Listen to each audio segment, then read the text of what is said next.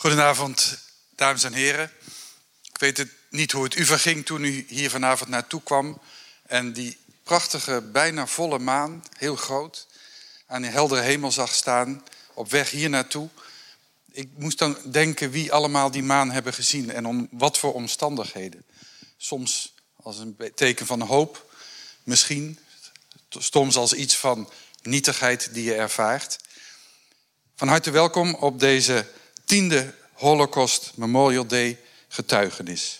Georganiseerd door Radboud Reflex met steun van Stedelijk Comité 4-5 mei Nijmegen en herinneringskamp Westerbork. Mijn naam is Han van Krieken, ik ben rector magnificus van de Radboud Universiteit. Zojuist hoorden we twee liederen van Ilse Weber, die ze gecomponeerd heeft in Theresienstad. Uitgevoerd door Elisabeth Oets en Mi-Ying Chen. En straks komen zij nog een keer terug. Het zijn liederen uit een programma, een wat langer programma, wat zij al vier jaar lang op verschillende plaatsen in Nederland uitvoerden. En het zijn liederen voor een deel gecomponeerd in concentratiekamp Theresienstad, maar ook andere. Elisabeth is de kleindochter van Philip Mechanicus, een naam die een deel van u ongetwijfeld heel goed kent. Met de Holocaust Memorial Day getuigenis onderstrepen we het belang om ook voor vandaag relevante herinnering aan de Tweede Wereldoorlog scherp op het netvlies te houden. Ieder jaar hebben we een persoonlijke getuigenis van een overlevende van de Holocaust. En die geeft een indringend licht op de vreedheden van oorlog en het besef dat vrijheid geen vanzelfsprekendheid is. En daarom heet ik vandaag, vanavond in het bijzonder welkom mevrouw Henny Dormit en haar familie. Henny Dormits was tien jaar oud en woonde in Den Haag toen de Tweede Wereldoorlog uitbrak. Vader Dormits probeerde zijn gezin te beschermen door dooppapieren te bemachtigen, waardoor zij een beschermde status zouden krijgen. Maar ze werden verraden, hun dooppapieren werden verscheurd, het gezin kwam in kamp Westerbork terecht.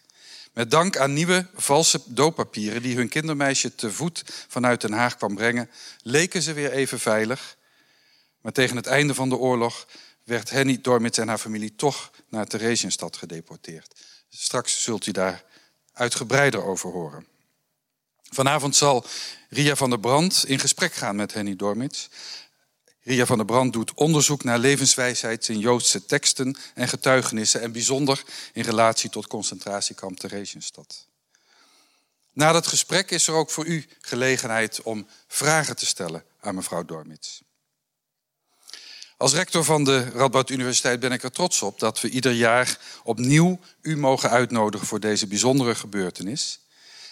En ik wens u een heel bijzonder mooie avond. Die zal beginnen met een inleiding en lezing door Guido Abuis, curator bij het herinneringskamp Westerbork. Een lezing over de gedoopte Joden in Westerbork. Hoe werkte zo'n beschermde status? Hoe kwam je aan dooppapieren? En welke rol speelde kamp Westerbork hierin?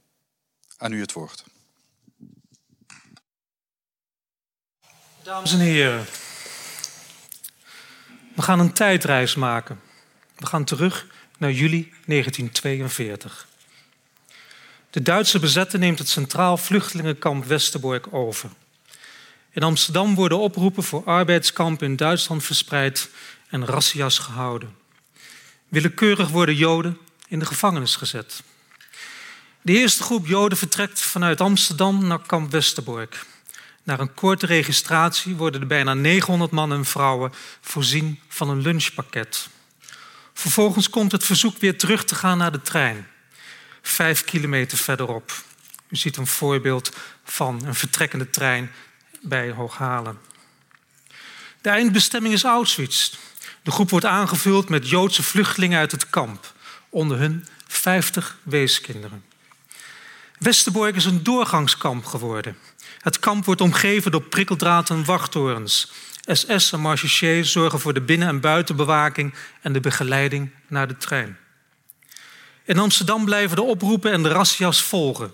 Zij die een mogelijkheid hebben, proberen via een vrijstelling of onderduik aan deportatie naar kamp Westerbork te ontkomen. De kerken protesteren tegen deze vorm van jodenvervolging door het sturen van een telegram aan de Rijkscommissaris met het verzoek af te zien van deze deportaties. Het voorlezen van dit proces protest vanaf de kansel loopt voor de katholieke Joden niet goed af. Ze worden begin augustus opgepakt en via kamp Westerbork na een verblijf van enkele dagen naar Auschwitz gestuurd. Met de Nederlandse hervormde en protestantse kerken die zich terughoudend hadden opgesteld, sluit de bezetter een deal. In de praktijk betekent dit voorlopig uitstel naar kamp Westerbork, van transport dan uitstel, of als gedoopte Joden om wat voor reden dan toch in Westerbork zijn terechtgekomen, voorlopig vrijstelling van transport naar het oosten. De deal is een optie waar ook personen gebruik van maken die tot voor kort nog nooit in, kerk, in, in, in een kerk zijn geweest. U ziet op foto ziet u een uh, vrijstelling en onderaan ziet u dan uh, protestant vrijgesteld voor transport. En dan krijgen ze dan zo'n blauwe zet vervolgens op hun kaart. Dat is een persoonskaart die in kamp Westerbork is verstrekt. In kamp Westerbork was reeds voor 15 juli 1942 een groep Luthers gedoopte Joden aanwezig. Een van hun, ziekenhuisbroeder Gottschalk, slaagt erin zich in verbinding te stellen met de Algemene Synode en van haar toestemming te krijgen tot het geven van godsdienstoefeningen in het kamp. Dit alles uiteraard met toestemming van de Duitse kampleiding. Herman Frank, die in de zomer van 1942 in kamp Westerbork terechtkomt, beschrijft in zijn dagboek een van de eerste diensten. We vinden in de eetzaal van barak 49 ongeveer 30 mensen bijeen, zittend op enkele banken, die voor deze gelegenheid speciaal zijn geregeld. Een hoek van het zaaltje is vrijgehouden voor het harmonium van zuster van der Hof, het altaar en het katheder. Je ziet zuster van der Hof links onder op de foto en achter haar de chefarts van kamp Westerbork, dokter Spanje, want zuster van der Hof was werkzaam als zuster in het ziekenhuis van kamp Westerbork. Het altaar is opgebouwd uit een tafel, overdekt met een wit laken. Op de tafel staan twee kazen in houten kandelaars, terwijl tussen die beide kazen een blank geverfd houten kruis staat opgesteld. Het katheder bestaat uit een tafeltje waarop een omgekeerde kist het geheel afdekt met een laken. Het interieur van een geïmproviseerde kerk, zou je kunnen zeggen. Wanneer broeder Gottschalk en de zuster verschijnen, verstommen de gesprekken. De zuster neemt plaats aan het orgel en Gottschalk legt zijn bijbels en teksten op de katheder. Hij plaatst zich voor het altaar met zijn gezicht naar het kruis en verzinkt enkele ogenblikken in gebed. Dan worden ter inleiding enige gezangen aangeheven. De meeste komen uit het Duitse kindergezangboek. Voor mij volkomen onbekende melodieën. Dan volgt het gebed wanneer de preek begint. Deze preek is niet zozeer een verklaring van de tekst, het is meer een werelds verhaal met als kern de bedoelde Bijbeltekst. Mij kan het wel bekoren, te meer omdat G met veel gevoel spreekt en een verfijnde woordkeus heeft. Naar het amen verheft de gemeente zich van haar zetels, het dankgebed wordt uitgesproken en met het zingen van een slotgezang is de dienst beëindigd. Men krijgt nu nog even gelegenheid zich met Gottschalk en zuster van Hof te onderhouden. En dan wordt de bijeenkomst gesloten. Einde citaat. De verzorging van deze bijeenkomsten zal niet lang meer door de duo worden uitgevoerd. Door de enorme uitbreiding van het kampziekenhuis en dus hun werkzaamheden krijgen ze geen ruimte meer hiervoor. De synode besluit als oplossing voor dit probleem de op 13 oktober 1942 in kamp Westerbork terechtgekomen hulpprediker Max Enker de bevoegdheid te verlenen de geestelijke verzorging van de kampgevangenen zoveel mogelijk te behartigen, de sacramenten te bedienen en huwelijken in te zegenen. U ziet links ziet u een, een, uh, dat is met Sinterklaas van 5 december 1942 aan hem gegeven. Op de achterkant uh, staat een uh, gedicht. Um, en rechts ziet u een horloge met een inscriptie die hij van ehm, zeg maar geloofsgenoten heeft gekregen in 1943. Vanaf mei 1943 zal Enke zijn werkzaamheden delen met Schulte Baksblad, die met een groep gedoopte Joden vanuit kamp Westerbork was doorgestuurd naar kamp Westerbork. In eerste instantie wordt deze groep in brak 57 en 58 ondergebracht. Uiteindelijk besluit de kamporganisatie alle gedoopte Joden, behalve zij die de status van alte kampenzessen hebben, onder te brengen in brak 73. Deze brak wordt door de andere kampgevangenen ook wel spottend schmaddenau genoemd. Een begrip dat is afgeleid van schmadden, het Jiddisch woord voor dopen.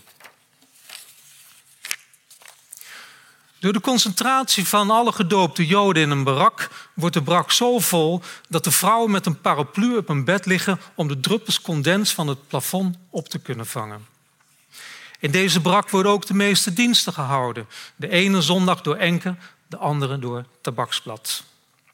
Over een van deze diensten schrijft Philip Mechanicus, van beroepsjournalist, in zijn dagboek het volgende. Geluisterd naar een preek van dominee Tabaksblad, van huis uit een Rus, maar Nederlands geneutraliseerd.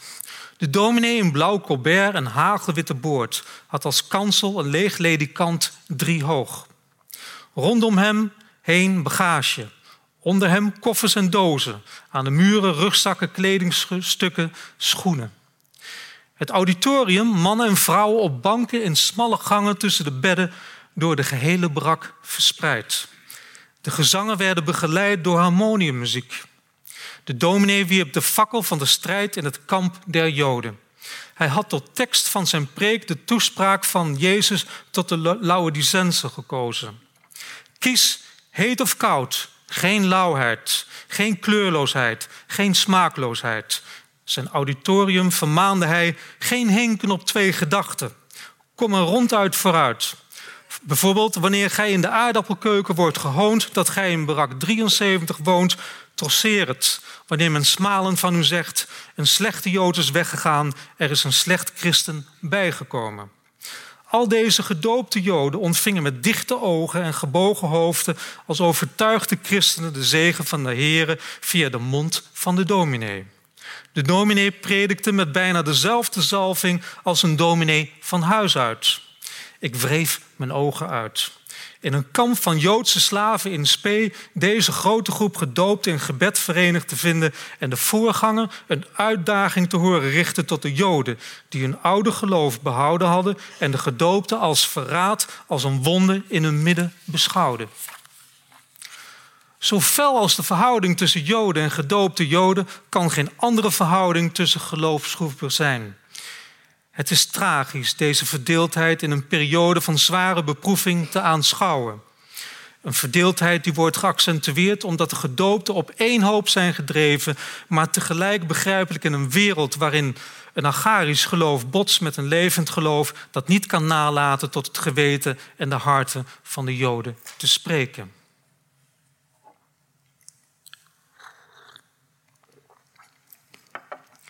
Mechanicus vervolgt op 25 november 1943. Onderhoud met dominee Max Enker, vroeger hulpprediker der Nederlands hervormde gemeente, van huis uit Duitser. Orthodoxe opvatting omtrent de Bijbel, maar aangename persoonlijkheid. Uiteenzetting van de positie der gedoopten.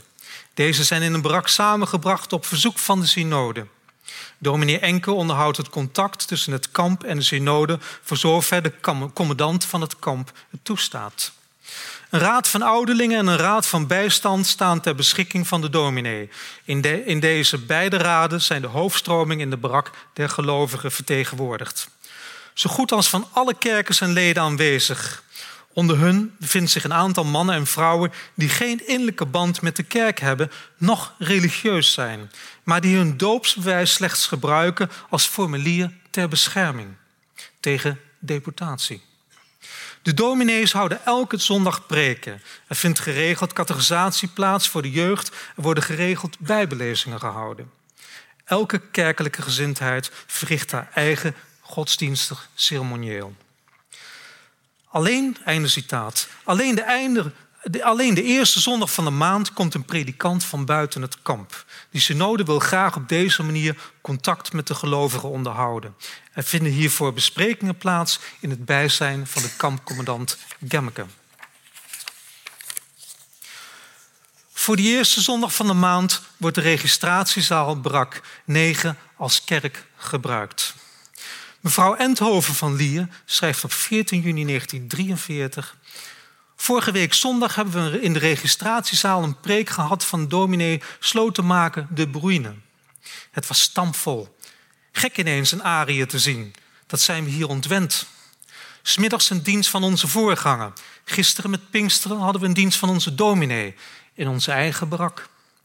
De dominee staande op een driehoog bed en wij zittend op, op de banken of de bedden. Er gaat wel veel van de sfeer verloren, maar we hebben het toch gelukkig. Het geloof biedt velen, een citaat, het geloof biedt velen een houvast, hoop en afleiding van de dagelijkse realiteit, als gevangen in een doorgangskamp op de Drentse heide. U zag net de trein die vanuit Hooghalen vertrok. Op een gegeven moment kwam er een aftakking van Hooghalen en die liep tot in het kamp. En vanaf eind 1942 gingen alle treinen kwamen dan Westerbork binnen, maar vertrokken dan ook vanuit Westerbork. Als er een transport binnenkwam, stond ik in de buurt, schrijft Tabaksblad. Sommigen kenden mij al. Ik vroeg dan: Kan ik iets voor u doen? Bent u gedoopt? Sommigen schrikken terug.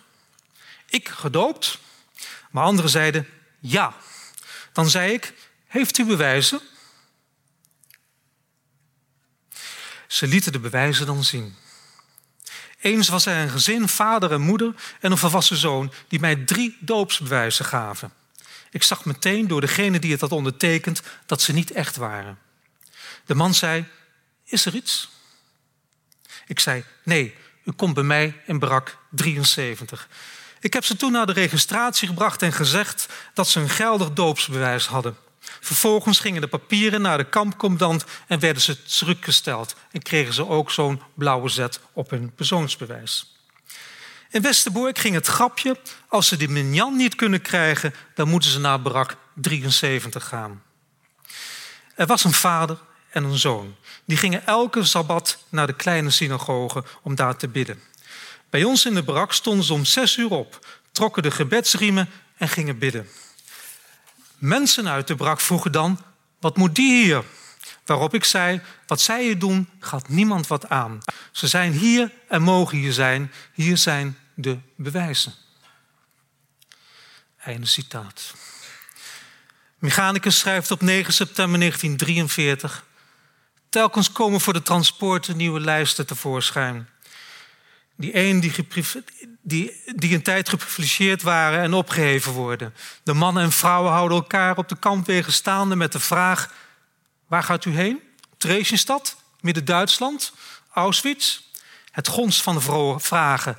Overal hoort men Theresienstad, Theresienstad, Auschwitz, Auschwitz. Het hele denkleven concentreert zich hier nog altijd om het transport. En nu zijn degenen die tot nu nog toe daarover heen konden leven, gedoopte op tante voor Palestina, de alte kampensassen aan de beurt voor de opwinding over het transport. Einde citaat. Ruim twee weken later schrijft hij in zijn dagboek. Vanmorgen is in Brak 73 van de gedoopten bekendgemaakt dat de toenmalige toezegging van de synode dat de gedoopten niet naar het oosten zouden worden, abgeschoben van kracht blijft. Het voornemen bestond hun naar Midden-Duitsland over te brengen, tezamen met de andere gesperten. Dit zou blijkbaar een strijd zijn geweest met de bovenstaande toezegging die de synode in de ruimste zin van het woord interpreteert. Einde citaat. De gedoopte Joden blijven dus voorlopig beschermd. Vanwege de uitbraak van kinderverlamming en andere besmettelijke ziektes worden de transporten in oktober tot en met december 1943 opgeschort. Brak 73 bereidt zich voor op het Sinterklaasfeest. Dat dankzij door de synode toegestuurde pakketjes een groot succes wordt. Na Sinterklaas volgen de voorbereiding voor het kerstfeest. In de brak worden kerstkansen opgehangen en een koortje oefent kerstliederen. Maar dan. Op zaterdag 25 december schrijft Mechanicus. Mannen van de ordendienst Joodse ordendienst hebben gisteravond in Barak 73 die der gedoopten gecontroleerd of de bewoners zich hielden aan het verbod kerstfeest te vieren. Geen takje groen, geen kaasje was geoorloofd. De Obersturmführer heeft ook onderhands verboden dat de gedoopten hun gewone zondagdienst houden. Men zoekt een reden voor de prikkelbaarheid van de commandant. De rancune wegens het verspreiden van onvriendelijke geruchten wat betreft het verloop van het Gemaanse Joelfeest is ongewoon scherp. Einde citaat. Het jaar 1944 begint met transporten. De status van de gedoopten blijft voorlopig onaangetast. De gedoopten hebben in een kamp waar iedereen verplicht is om te werken de reputatie van de minst productieve groep kampgevangenen te zijn. Zelfs de kampcommandant ergert zich eraan. De extra pakketjes die via de synode worden opgestuurd, leidt tot veel jaloezie bij de rest van de kampbevolking, omdat zij er vaak van verstoken blijven. De samenstelling van de pakketjes voor de gedoopte Joden zodanig dat zelfs de kampcommandant denkt dat het alleen van de zwarte markt afkomstig kan zijn. Iemand schrijft op de muur van een latrine: Brak 73 wordt na de oorlog in brand gestoken met alles wat erin is. Omen. Op 22 april 1944 verhuist de groep van de gedoopte Joden naar barak 83. De voormalige ziekenbarak die door gedeeltelijke opheffing van het ziekenhuis weer als woonbarak dienst gaat doen. Het is begin september 1944. Het is de dagen voor voor alle kampgevangenen al duidelijk geworden dat slechts een kleine groep zal achterblijven om het kamp te ontmantelen. Er zullen nog drie transporten naar het oosten gaan. Op 4 september verlaten meer dan 2000 personen kamp Westerbork. Alleen de bevoorrechte groepen, waaronder de ongeveer 500 gedoopte Joden, komen in aanmerking voor dit transport naar Theresienstad. Van de groep gedoopte Joden zal het grootste gedeelte de oorlog overleven. Ik dank u wel.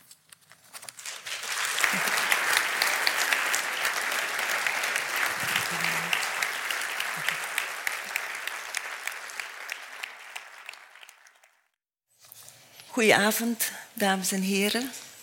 Henny, hier zitten we dan. Daar zitten we dan, het hè? Is, het is zover. Ik heb jou een oud glaasje gegeven. Wil je een nieuw glaasje misschien? Dit is oud. Ja, ik denk het wel. Doe hier dan in. En jij dan? Oké, dank je. Ja, ik denk ook. Wij moeten ons even installeren, hè? Even. Ja. Even, even installatie.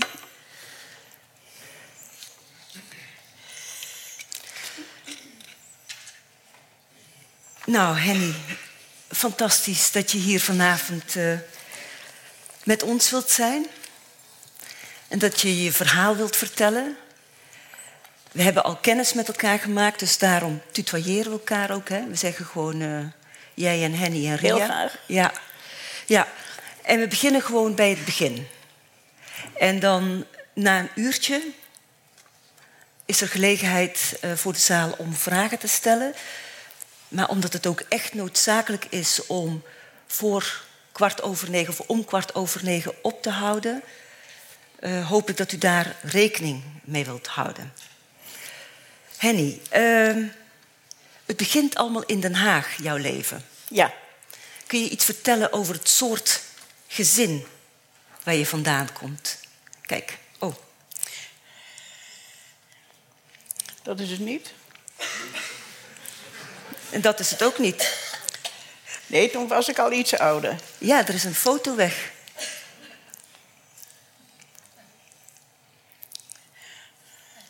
Dat is de dominee, dat herinner ik me. Nou, wat Ja, voor foto was Er het? was een foto, deze foto is het. En die, die zit er niet tussen. Maar het is deze foto waar je met je zusje Oh, op staat. zus- Ach, wat je- jammer. Ja, jammer hè? Ja, deze is heel Ja. jammer. Nou, we hadden een mooie foto van Henny. Een jaar of tien, negen was je. Waar je met je zusje op staat. Ja. Oké. En mijn zus is 2,5 jaar ouder. Ja. Ik kan er helaas niet bij zijn vanavond, dat was er te veel. Wil je iets over deze of wil je iets weten? Nee, vertel, de zaal weet helemaal niets van je, of bijna niets. Vertel eens, uit wat voor soort gezin kwam je? Ik was, wij waren dus eh, heel liberaal. Wij, eh, ik wist wel dat ik Joods was, moet ik zeggen. We deden niets aan het geloof. Misschien alleen het eetgedeelte, moet ik zeggen. Daar Ja. deden we wel het een en ander aan. Ja. Maar voor de rest, we gingen nooit naar de synagoge toe. En ik had een eh, erg gezellig leven. Ik heb eerst in de binnenstad van Den Haag gewoond. En toen ik acht jaar was, zijn we naar Scheveningen verhuisd. Heerlijk gewoond, vlak bij het strand. En dat was erg fijn.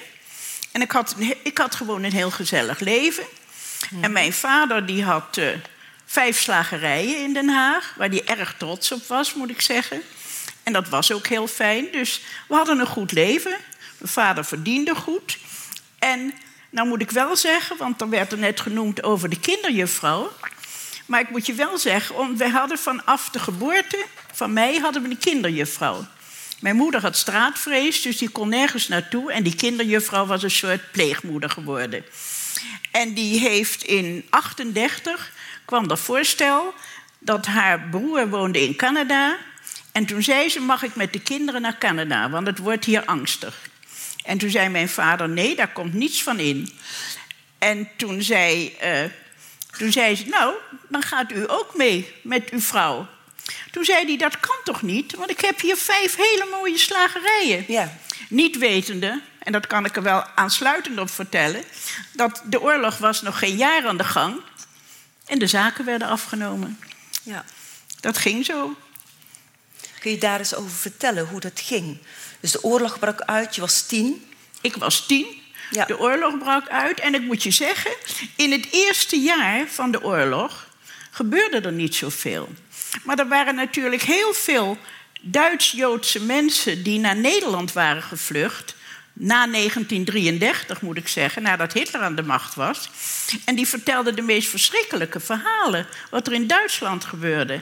Maar wij dachten, dat kan hier niet gebeuren. Eerst dachten we natuurlijk, er komt geen oorlog. Want we zijn een neutraal land en we hebben een koningin.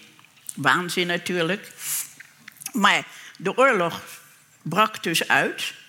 En het eerste jaar van de oorlog gebeurde er eigenlijk weinig. Dus in het begin denk je nog, je ziet wel, het is niet zoals in Duitsland.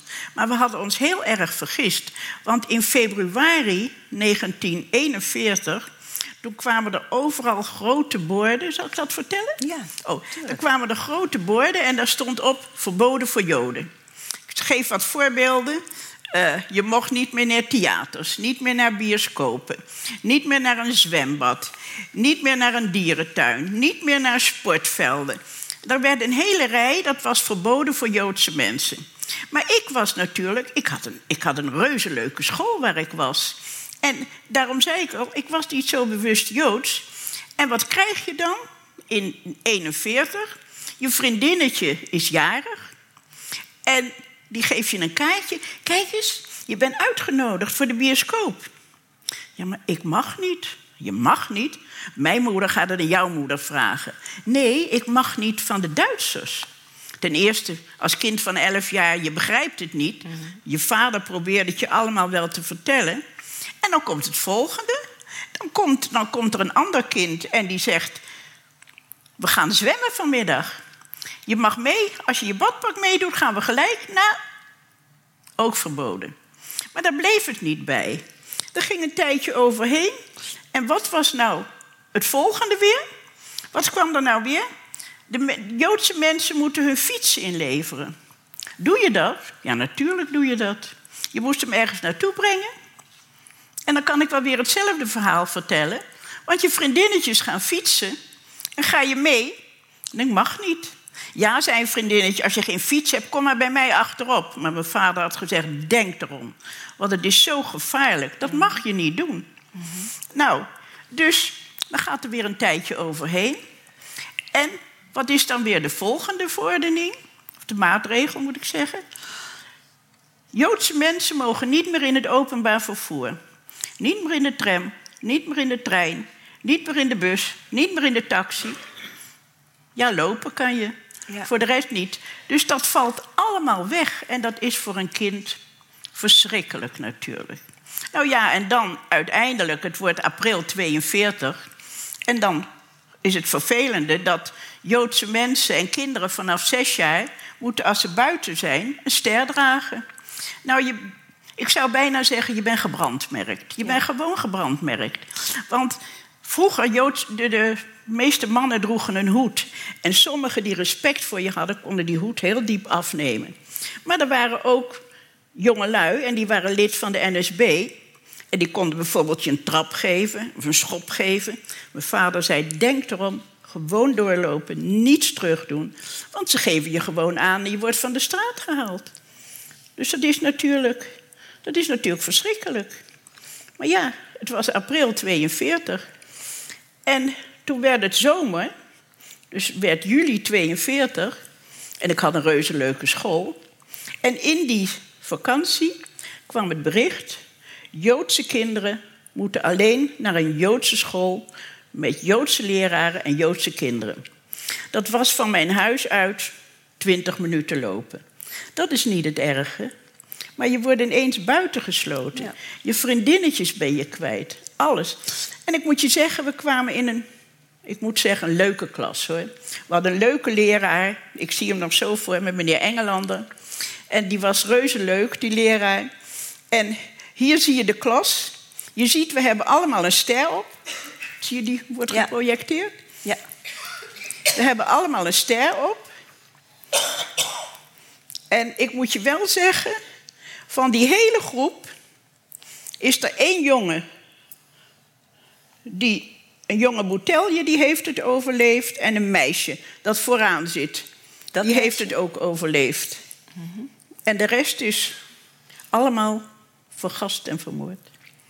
Dus dat was natuurlijk verschrikkelijk. Maar wij gingen dus, uh, wij gingen dus elke dag. Ik moet geloof ik eerst nog even vertellen over de dooppapieren, want dat was even daarvoor, hè? Want anders. Ja. Uh, mijn vader die had een, een, uh, een vriend, dat was de accountant. En die zat in het bestuur van de Nederlands Hervormde Kerk. En die zat ook in het verzet.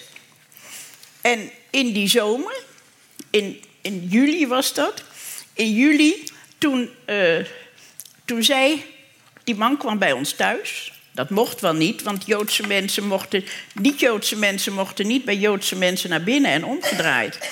Maar hij kwam toch stiekem naar binnen, moet ik zeggen. En hij zei: Mijn dominee, die zit in het verzet en die is bereid om jullie dooppapieren te geven. En dat kan jullie leven redden. En er wordt een datum afgesproken, dat was 18 juli 1942. Dus wij mochten naar de kerk komen. En wij kregen vier dooppapieren uitgeschreven van die dominee. En hij zei wel daarbij: luister even, ik wil wel dat jullie elke zondag naar de kerk gaan. En de kinderen kunnen naar de jeugddienst.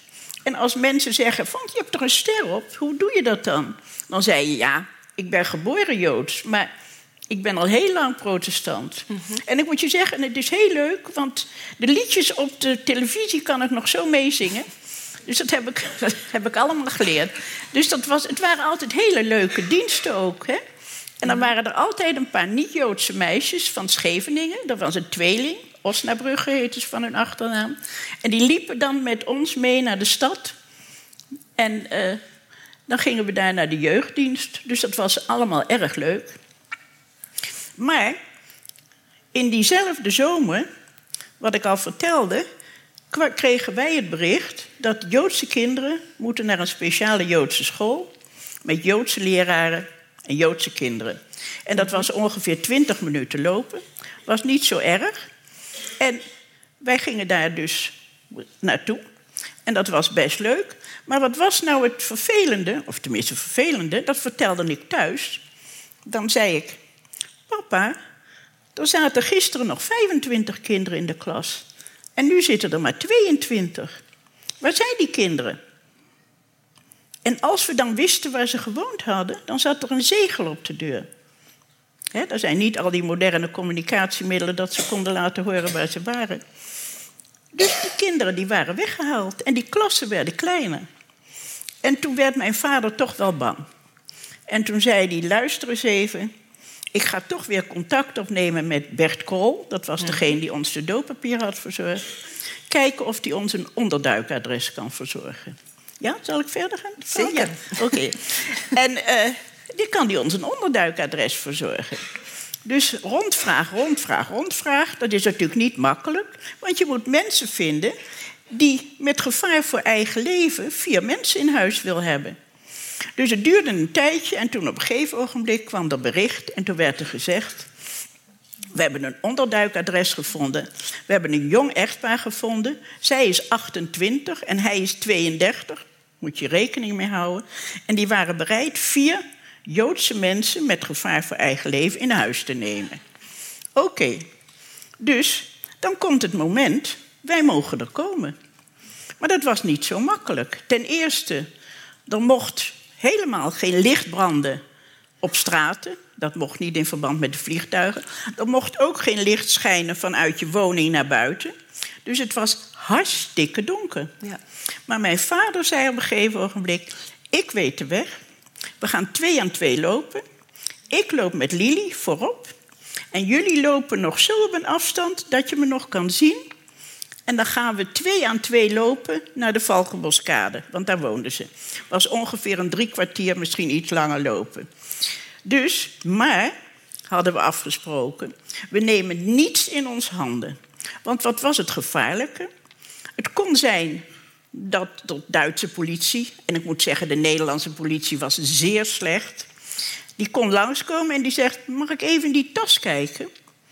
En dan zei je: Nou, kijk maar. En dan zei ik: Mag ik je persoonsbewijs zien? En wat was er nou? De Joodse mensen hadden een dikke J op paspoort. En dan was je gearresteerd. Dus we hadden ons voorgenomen: we nemen niets in ons handen mee.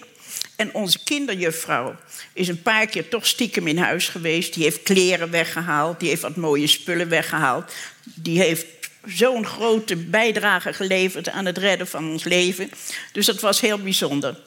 Dus dan komt het moment, het was 4 december. We hebben nog gewoon s'avonds gegeten. Denk niet dat we afgewassen hebben, dat moet ik erbij zeggen.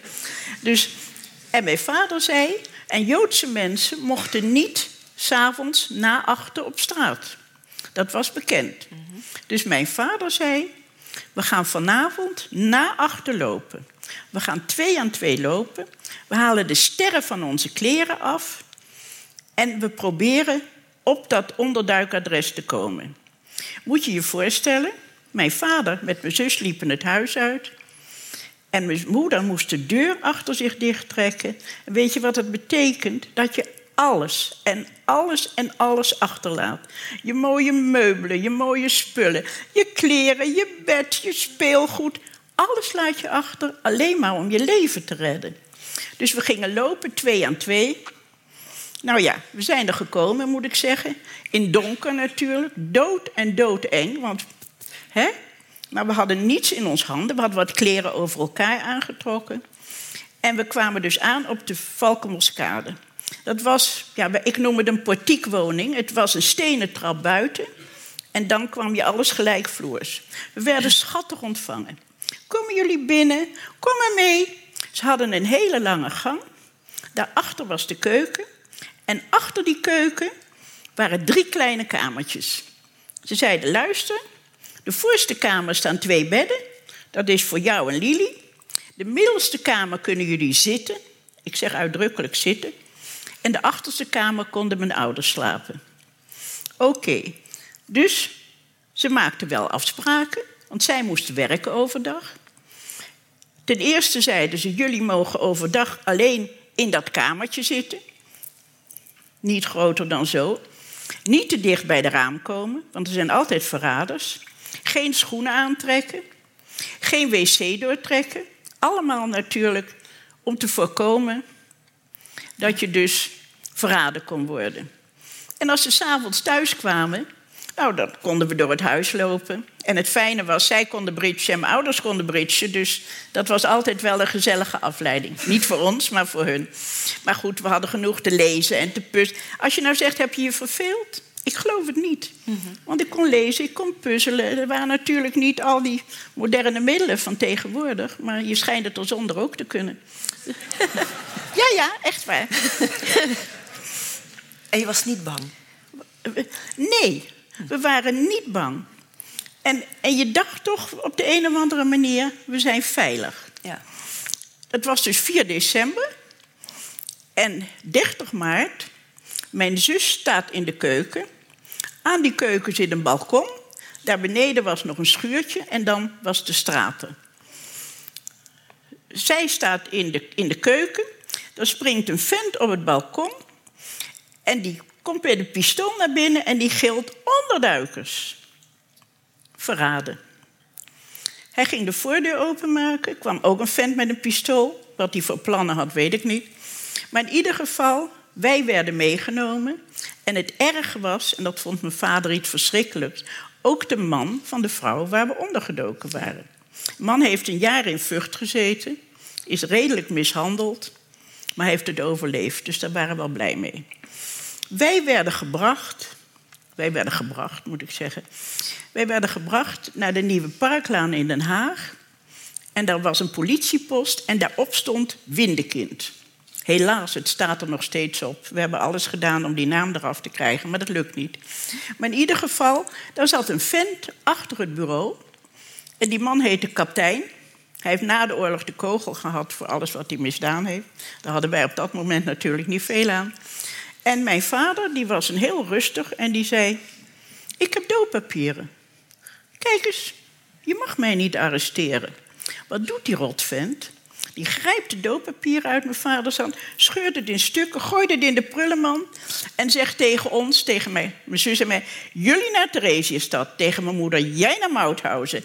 Mijn vader: Jij naar Auschwitz. Maar wat hoor je dan als kind? Je hoort als kind dat je niet bij je ouders blijft. En ik was twaalf jaar, iets verschrikkelijks. We werden weer mee naar buiten genomen. We werden weer in zo'n overvalbusje geplaatst. En we werden gebracht naar de Scheveningse gevangenis. Nou, de Scheveningse gevangenis, als je op het ogenblik op de televisie ziet hoe luxe dat daar is, met een computer en een televisie en een mooi bed en alles. Nou, mijn, mijn zus, mijn moeder en ik kwamen in één cel. Drie strozakken op de grond en een ton in de hoek om je behoefte te doen. En dat was het. En wij lagen dus op die matrassen en het was geloof ik eind van de ochtend, begin van de middag. Toen ging het luikje open. Nou ben ik niet gewend in de gevangenis te zitten, dus je weet niet wat ze willen met dat luikje. Nou, we wisten het heel gauw, want het ging dicht en het eten stond erop. Dus het eten, we konden of van de grond eten of we konden niet eten. Zo was de eerste dag in de gevangenis. We hebben drie dagen in de gevangenis gezeten. Toen werden we eruit gehaald. En waar nu een heuvel is, op de Alkemadelaan, daar liep toen een trein.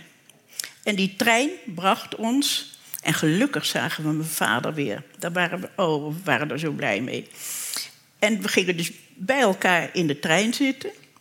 En we kwamen in Westerbork aan. En toen, uh, je moet dan geregistreerd worden natuurlijk. Dus wij waren aan de beurt en mijn vader zei: Ik heb doodpapieren. Nou, laat u ze maar zien. Ja, ik heb ze niet. Ik, heb ze, ik ben ze kwijt, ik weet, ik durf het niet te zeggen. In ieder geval, er was een lijst met gedoopten, met de namen erop.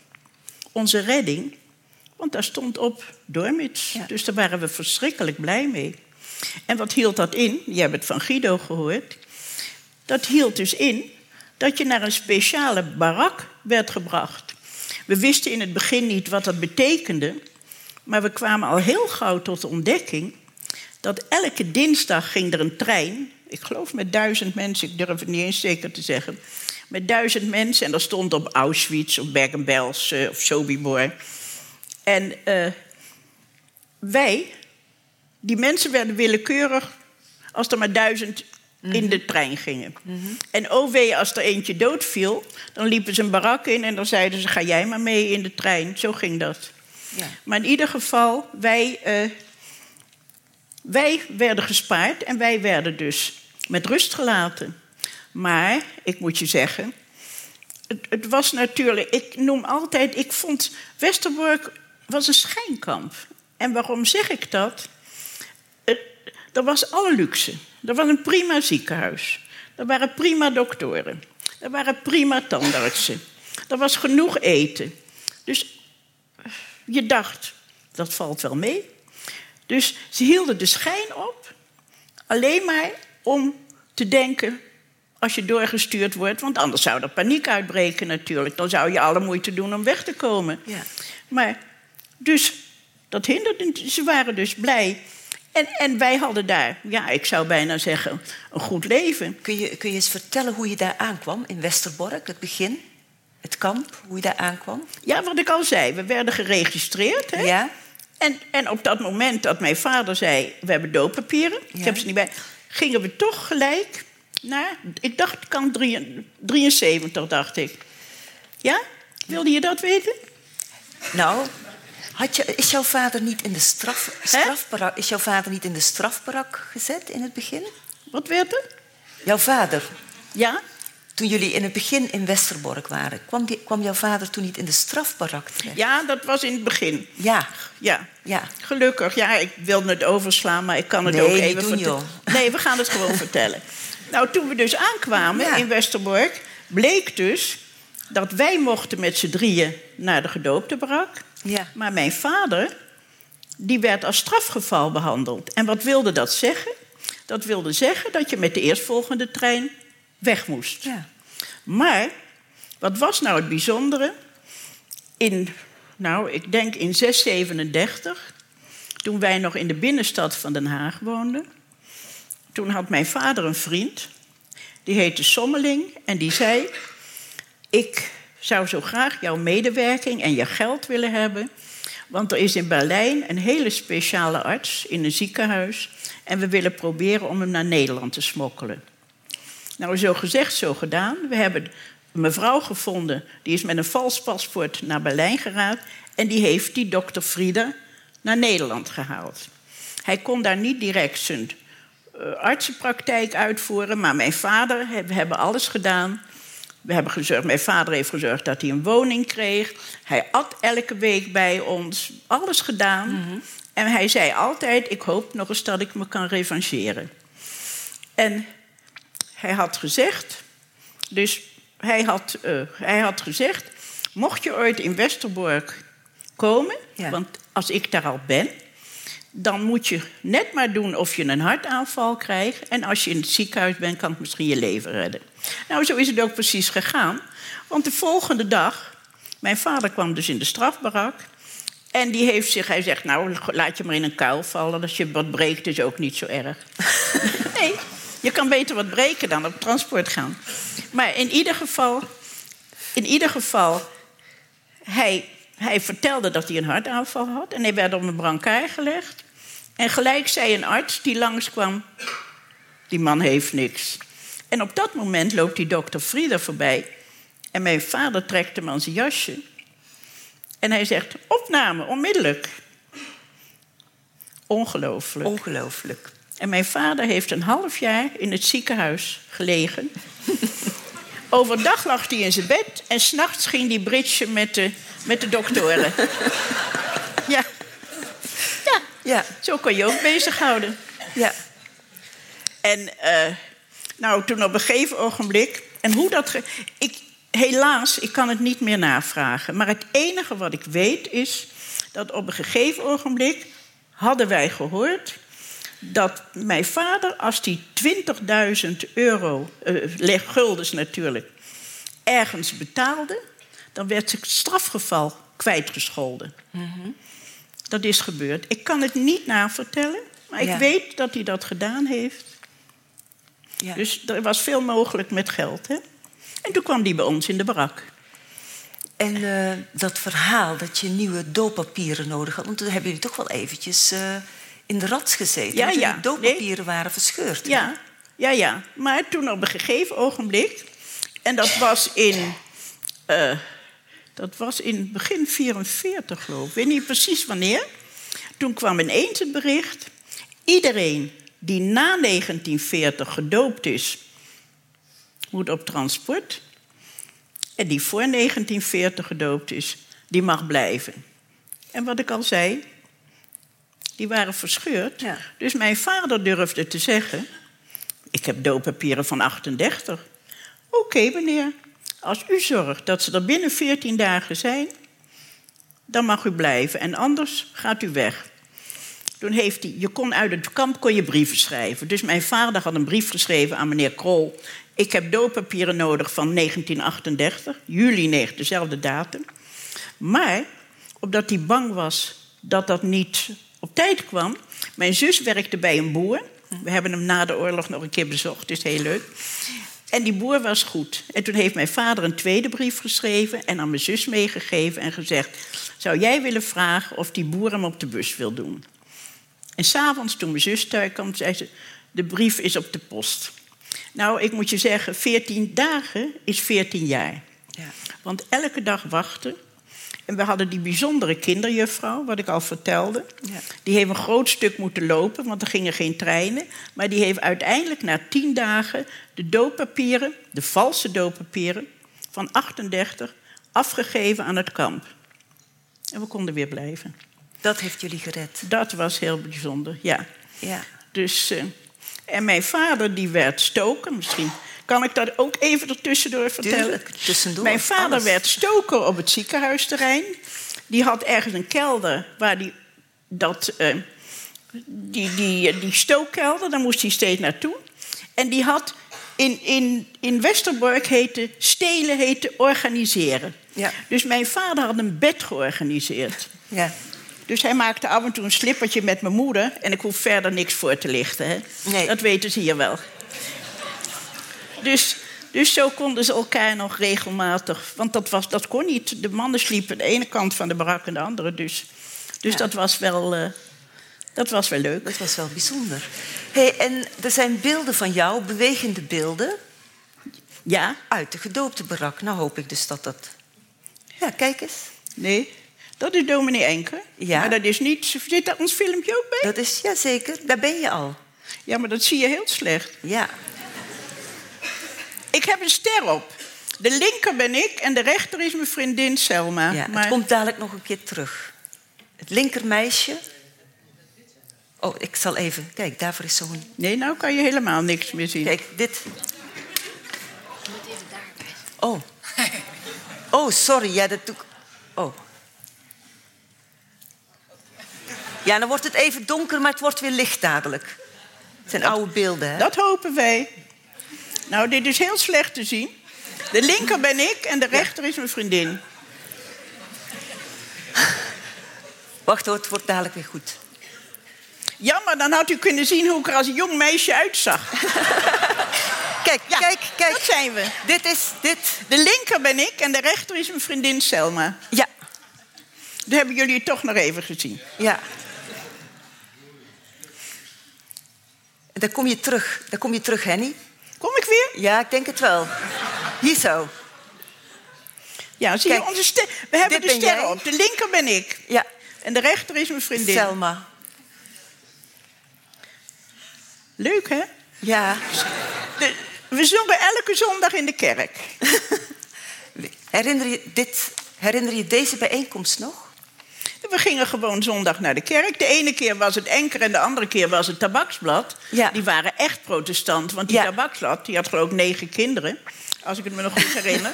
ja, die waren bij ons, ja, die waren bij ons in de barak, allemaal. Ja. Maar, eh, en daar gingen we altijd naartoe. We gingen elke zondag naar de kerk. Ja. Mijn vader, mijn moeder en vader, ja, je kan ze niet zien. Die zaten op die achterste rij links. Mhm.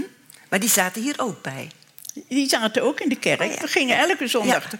Je was helemaal niet zo geliefd hoor in Westerbork. Nee, vertel daar eens over. Nee hoor. Heb je er iets van gemerkt dat je niet zo geliefd was in Westerbork? Daar ben je weer. Kijk, Nou, dat hoeft nou niet meer. Nou heb je me genoeg gezien. dus daar ergens zaten jouw ouders. Ja, daar linksachter Ja, ergens. linksachter. Daar zo, ja. Ja. ja. Ja, het filmpje gaat nog even door. Het filmpje gaat nog even door, maar trek je er niks van aan. Nee, maar dan zie je mij niet meer. Nou, Dat weet ik niet wat dat is. daar ben je weer. Och, draai uit. Dat is Selma weer en daar ben jij weer, zie je? Ja. Nou hoeft het niet meer. Dat is door Breslauer, eh, door Breslauer gefilmd, hè? Er is een film. Breslauer heeft Westerbork. De enige die gefilmd heeft in Westerbork is Breslauer. En het is pas bekend geworden dat die film op de werelderfgoedlijst is Ja. gekomen. Dus in dat stukje zit ik ook ergens. Jij, was, eh, jij deed verschillende dingen in, eh, in het kamp. Hè? Jij was ook ordonnans Ik werkte hoofdzakelijk op het land. op het land. Zwaar is. Het gekke is, je werkte 12 uur per dag, zes dagen in de week. Aardappels rooien, hooien, al het zwaar werk. Maar je ziet, je krijgt er niks van. Je wordt er 88 mee. Ja. Dus wat dat betreft. En dan moesten we af en toe moesten we op dinsdag aan de trein werken. ja. En dan moesten we mensen helpen om ze in de wagons te zetten. Heb je daar veel herinneringen aan? Nee, ik was niet. Mijn zus moest bijna elke week. Ja. Maar ze, ik weet wel dat ze altijd huilend thuis kwam. Dat weet ik wel. Ze, heeft- Ja? ze moest altijd huilen, ja. En ik vond het ook. Ik, ik heb misschien totaal drie of vier keer, dan zijn er een paar zieken. Voor de rest hoefde ik er niet te werken. Maar het is natuurlijk verschrikkelijk, want je moet rekenen... iedereen die daar loopt moet afscheid van elkaar nemen. Ja. Ouders van kinderen, grootouders van mo- moeders, vaders. En daar loop je als kind van 13 jaar tussen. Dat is gewoon dat huilen, brullen en, en daar loop je tussen. Daar heb ik geen goede herinnering aan, moet ik zeggen. Dat is Nee. natuurlijk afschuwelijk. Ja. Ja, dat is heel erg. Maar goed, ik heb. Ik bedoel, dat, dat werken, dat, eh, dat ging heel makkelijk. En er was natuurlijk, wat ik al zei, genoeg eten en zo. Dus je, je kon het makkelijk. Had je een vriendinnetje? Ja, Selma? Ja. Ik, toen, ik, eh, toen ik de eerste dag in onze barak kwam, wat ik al vertelde. Het was dus zo, er waren dus elke keer negen bedden. Drie hoog, drie hoog, drie hoog. En daartussenin stond dan een bank met een tafel. En ik kwam op de dag dat ik aankwam op de bovenste etage... en naast me was een bed vrij. En na twee dagen kwam er een meisje naast me van mijn leeftijd. Ze heette Selma, ze kwam uit Rotterdam. En tot 1999, toen is ze helaas gestorven. Het is gewoon de vriendin voor het leven geworden. Ja. Meer dan een zus. Ja. Mijn zus en ik, die waren dus ver uit elkaar. Want als je zelf 13,5 bent en je zus is 16... en jij bent nog een kind en zij is een volwassen vrouw... dan heb je niet zoveel contact, hè? Dus ik was altijd met haar samen. Ja. En ook, ze hadden ook de dooppapieren, ook naar Theresienstad gegaan. En dat was natuurlijk ook heel bijzonder. Theresienstad, daar zal Ja. ik ook nog iets over vertellen. Zeker. Ja? Want op een gegeven moment hoorde je... Ja, op een gegeven dat? ogenblik. Ja. We hoorden wel steeds dat de bevrijding in aantocht was. En daar waren we natuurlijk verschrikkelijk blij mee. En toen op een gegeven ogenblik. Toen. eh, het werd Dolle Dinsdag, dat was 5 september. En. eh, nou ja, toen hoorden wij ineens. Westerbork moet leeg. En wij moesten ook weg. Ja. En dat was natuurlijk heel afschuwelijk, want we hadden echt gedacht... we worden hier bevrijd en dan is het over. Niet wetende dat eigenlijk nog het ellendigste stuk nog eigenlijk kwam. ja, want je gaat naar Theresienstad. Ja, je ziet het, dus Theresies, dat, in, dat ligt in Tsjechoslowakije. Ja. Nou, dus wij werden dus ook op 5 september... moesten we onze spullen pakken. En werden we ook in die wagons gekieperd. 74 matrassen op de grond. En of je nou drie maanden was of 93, je kreeg een matrasje toegewezen. Twee of drie tonnen in de hoek. Ja. En dan mag je je behoefte doen. Met 74 mensen. De een moet plassen, de andere moet iets meer, de derde moet misschien overgeven. En dan zit je dan tussen Ja. al die mensen. Je, je hele gevoel van waardigheid gaat weg. Hè? ja. Dus dat is. En was je bang? Nou, die reis naar Theresienstad was ik wel bang. Want waarom? We gingen dwars door Duitsland. En s'nachts lieten ze die wagon stilstaan. En er waren bombardementen. Want Theresienstad lag tussen Praag en Dresden in. En er waren zware bombardementen. Dus wij dachten, er valt een bom, bom op de trein en je bent weg. Dus dat was wel, ik vond dat heel angstig. We waren bang. Ten eerste, waar ga je naartoe? Dat weet je toch niet? De naam Theresienstad zegt je niks. En Sobibor en Auschwitz ook niet. De namen zeiden ons niets. Dus uiteindelijk kwamen we, ik geloof toch wel dat we drie dagen onderweg zijn geweest. Onderweg. Leuk, een reisje. Maar in ieder geval, we zijn drie dagen onderweg geweest. En toen we in Theresienstad aankwamen, toen gingen wij dus, ja, dit zijn, het zijn allemaal hoge kazernes. Hoge kazernes. En wij sliepen dus, mijn moeder, mijn zus en ik kregen een kamertje op de bovenste verdieping van de Hamburgerkazerne. En mijn vader, die kwam in een andere, in de Maagdenburg. Maar het voordeel was, maar dat wisten we pas later, dat we natuurlijk elkaar konden zien. Ja. En ik was schilder. Niet dat ik het nog kan, maar in ieder geval, ik was schilder. Ik moest hekken schilderen. En in ieder geval, op een gegeven ogenblik, toen zou het Rode Kruis komen. En toen werd die hele route die het Zweedse Rode Kruis zou lopen, die werd helemaal opgeschilderd. Daar kwam een kleuterschool, daar kwamen gordijntjes, daar kwamen al. Dus als die Zweedse Rode Kruis zou lopen. Maar, en dat is bijkomst, nou geen bijkomstig verhaal. Maar wat was nou ook het geval? Daar was een crematorium. Ja. En het was niet zo dat iedereen tegelijk op de grote hoop werd vergast. Maar iedereen die in Westerbork, over, in, in overleed... en ik moet even zeggen hoe dat ging... daar ging door het kamp heen ging een hele grote platte wagen... met twee wielen aan de zijkanten. En als je dan een dode had bij je in de omgeving... dan bracht je die naar beneden... En die legde je op die kar. En als die kar dan maar hoog genoeg was, misschien zes of zeven, dan gingen ze naar het crematorium. Ja. En aan hun enkel hadden ze dan een bandje met hun naam. En die mensen werden dus apart gecremeerd en die gingen dus in een schoenendoosje. Maar toen dat Zweedse Rode Kruis zou komen, toen waren er te veel eh, in dat crematorium. En wat was nou het geval? Ze hadden kinderen uitgezocht. En het was misschien 10, 12 graden onder nul. En kinderen uitgezocht, die moesten acht uur lang moesten die, die doosjes doorgeven. En die gingen op een vrachtauto. Ja. Ik ben ooit terug geweest in Theresienstadt en ik heb de plek gezien, want die werden in het water gegooid. Dus wij moesten die doosjes doorgeven. Ik moet je het enge verhaal, ze vielen wel eens uit ons handen. Ja. Dus dat was niet zo leuk. We moesten er soms nog om lachen ook. Afschuwelijk natuurlijk. Maar wat was nou het geval? Ik was waarschijnlijk nog een klein kind en ik moest dat doosje altijd doorgeven. Dus wij zijn ooit met Westerbork zijn we naar Theresienstadt gegaan.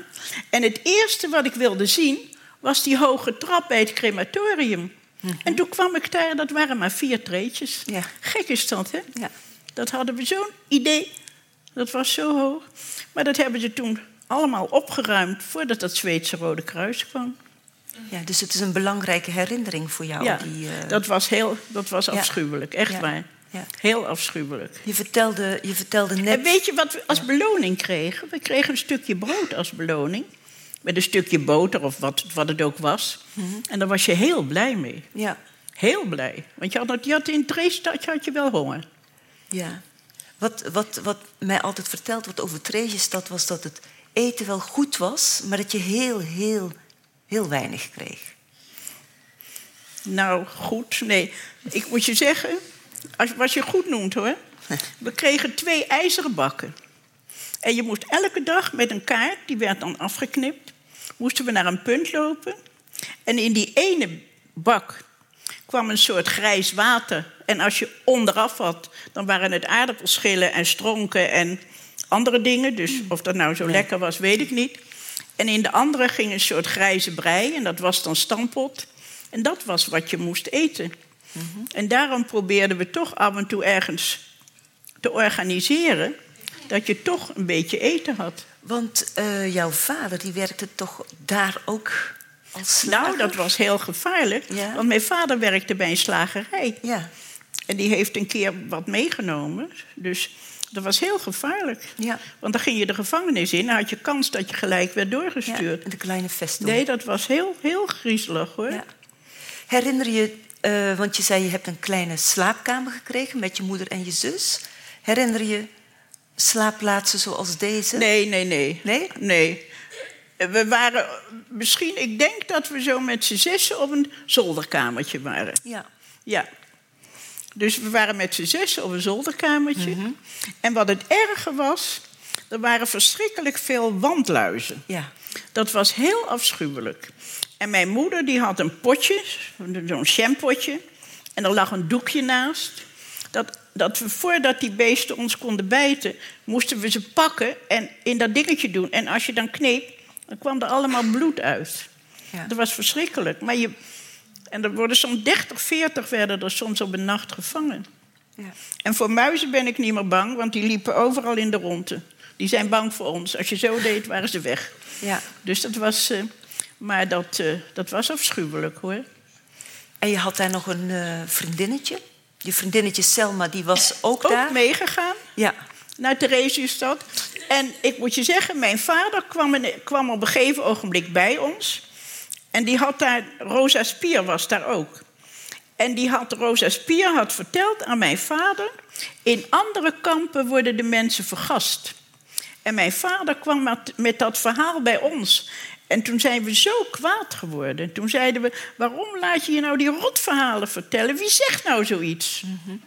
En dan zit je in Theresienstad. ja. In die wij zijn vijf maanden in Theresienstad geweest.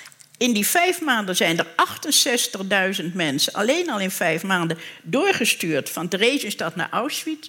Zijn allemaal gelijk bij aankomst vergast. Er was geen ruimte meer voor. Dus, maar, en dan gaat mijn verhaal weer verder van Ja? Theresienstad. Was je trouwens... ehm, waren jullie bang eh, voor deportatie in Theresienstad? Weet je dat ik dat niet eens zo bewust ben? Er waren, kijk, er waren twee groepen, hè? de gedoopten en de Barnevelders. Ja. En die werden toch op een zekere zin werden die gespaard. Dus wij hebben nooit de indruk gehad dat we Ja. niet. Ja, alles kon natuurlijk. Maar misschien mijn ouders. Je moet natuurlijk wel weten, ik was natuurlijk een kind. Ja. Hè? En ik denk dus, mijn ouders zijn misschien doodsbang geweest. Ik weet Mhm. het niet. Wij waren niet bang. We, we werkten en, en we, we hadden genoeg te eten, moet ik zeggen. We hadden geen honger. We pikten overal wel wat eten. Dus, Ja. dus zo kwamen we aan de kost.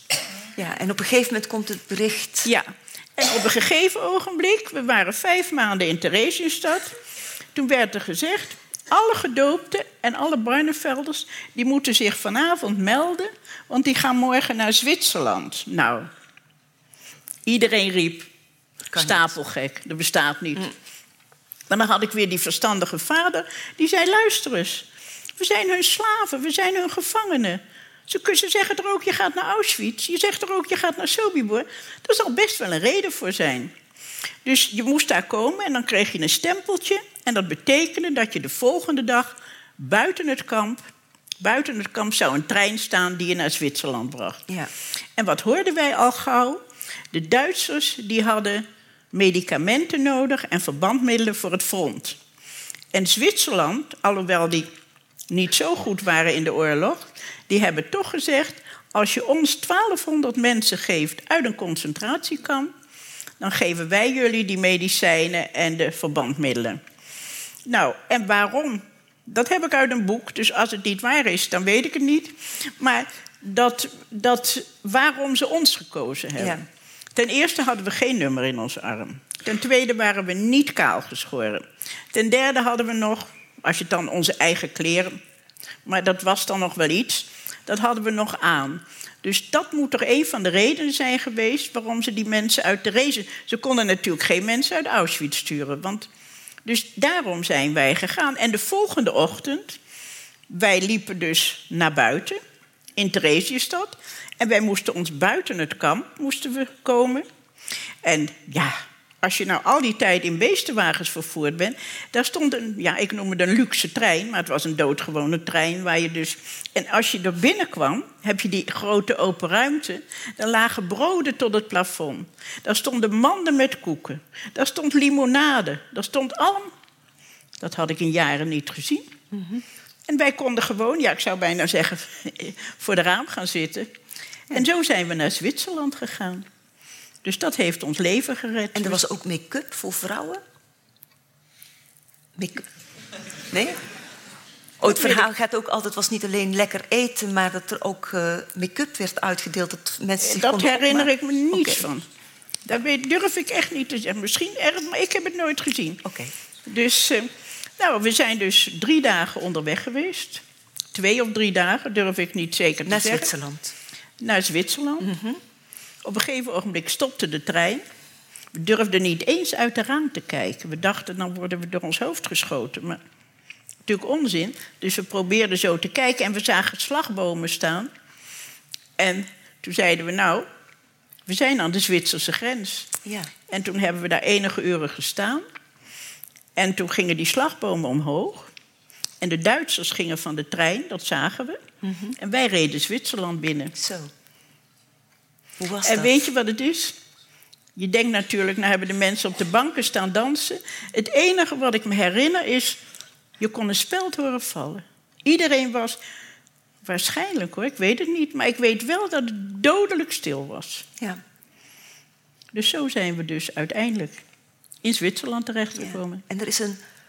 Dat is ook weer een heel verhaal, hè, Zwitserland. Maar er is een mooie foto Van mijn zus, ja, van jullie vieren. ja wij, In hadden dus, wij kwamen in Zwitserland aan en we hadden een hele rijke neef. Een hele rijke neef die daar woonde. Altijd goed, hè? En die neef. heeft ons naar Basel gehaald. Ja. En toen mocht zijn dochter met ons. En toen werden we in de nieuwe... Alles wat we aan hebben... Want we hadden natuurlijk vodden aan, moet ik zeggen. Ja. Dus dit is een foto. Dan kwamen we net terug. En hadden we allemaal nieuwe kleren aan. ja. Dus dat was natuurlijk heel speciaal. Maar hoe was het? Je was in Zwitserland, maar dan ben je nog niet zomaar in Nederland. Nee, want we waren in Zwitserland in februari. Ja. Nog even verder vertellen? Ja. Zeker. Oké. We waren in Zwitserland in februari. Mhm. En we werden eerst eh, in quarantaine gehouden. Geloof een week of anderhalve Mhm. week in de kazerne. Of we ziektes bij ons hadden. En toen gingen wij naar een school. Een Nederlandse school die nog altijd bestaat. Prinses Beatrix. Lyceum. Ja. En mijn ouders kwamen in een vluchtelingenhotel. Daar zaten allemaal Nederlanders in een hotel. Dus dat was natuurlijk. Maar toen was het februari, dus het was nog helemaal geen bevrijding. En uiteindelijk, vijf, in mei, hebben we een heel groot feest gevierd natuurlijk. Op school, want toen was Nederland bevrijd. Maar ja, toen zeiden mijn ouders: we willen dolgraag terug naar Nederland. Want mijn vader had vijf zusters met mannen en kinderen vanaf 3 tot 21 jaar. Mijn grootmoeder was uit een gezin van negen. Mannen, vrouwen, kinderen, iedereen. Maar dat lukte niet zo makkelijk. Uiteindelijk zijn we 19 juli zijn we richting Nederland gegaan. Ja. Via Eindhoven zijn we in Nederland terechtgekomen. En toen is de trein naar Den Haag gekomen. Maar op het Hollands spoor, ze stonden niet in rijen van drie om ons op te wachten. Niemand, maar ook helemaal niemand. En mijn vader zag een vriend staan, van het, waar die werkte, van het abattoir. En die, die, eh, die zei, mijn vader zei, mag ik misschien even bij jou mee naar huis om te bellen? Ja, wat moet je? Natuurlijk mochten we mee. Hij zegt, ik heb geen onderkomen voor je. En we gingen er naartoe. En wat we het eerste deden, was natuurlijk onze onderduikfamilie bellen. Ja. En gelukkig hoorden we dat hij er had, was, was weer thuis. Ze hadden inmiddels een dochtertje. Dat is net nog zaterdag gezien. Ja. Onze pleegdochter, of onze pleegzus moet ik zeggen. Ja. En, eh, en die zeiden gelijk van... eh, wat gaan jullie doen? Nou, mijn vader zegt het eerste wat we gaan doen... is zo gauw mogelijk eh, adres vinden om te wonen. Wat zeiden? Jullie kamertjes. Jullie kamertjes zijn hier. Kom terug.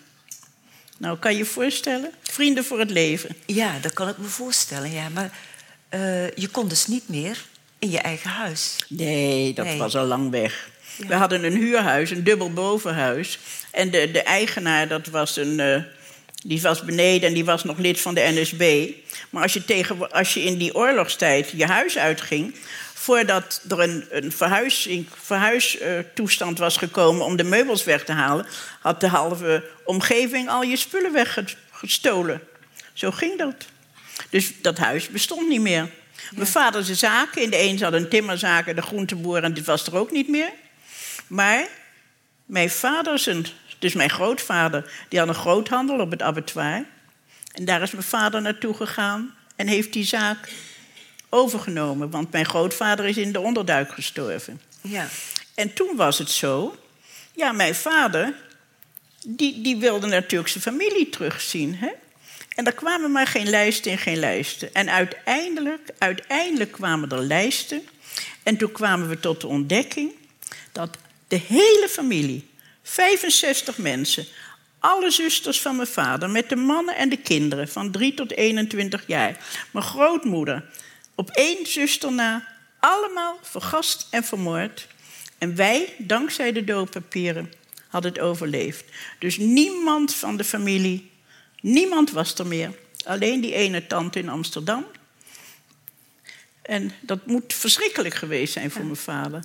En toch, mijn vader die is gauw weer begonnen aan de zaken. En we hebben gauw weer een huis kunnen vinden, gelukkig, dat mijn vader weer geld had. En mijn zus en ik kunnen tot vandaag de dag tegen elkaar zeggen: waarom hebben die mensen nooit gehuild? Die moeten toch gehuild hebben? Heel gek. Dat heb je niet Ze hebben alles gedaan om ons een leuk leven te geven. Wij woonden vlak in Scheveningen. Dat was een plein waar altijd gedanst werd en alles was er te doen. Mijn vader zei altijd, dan was hij doodmoe. Kom, we gaan dansen. Hup. Ja. Ongelooflijk.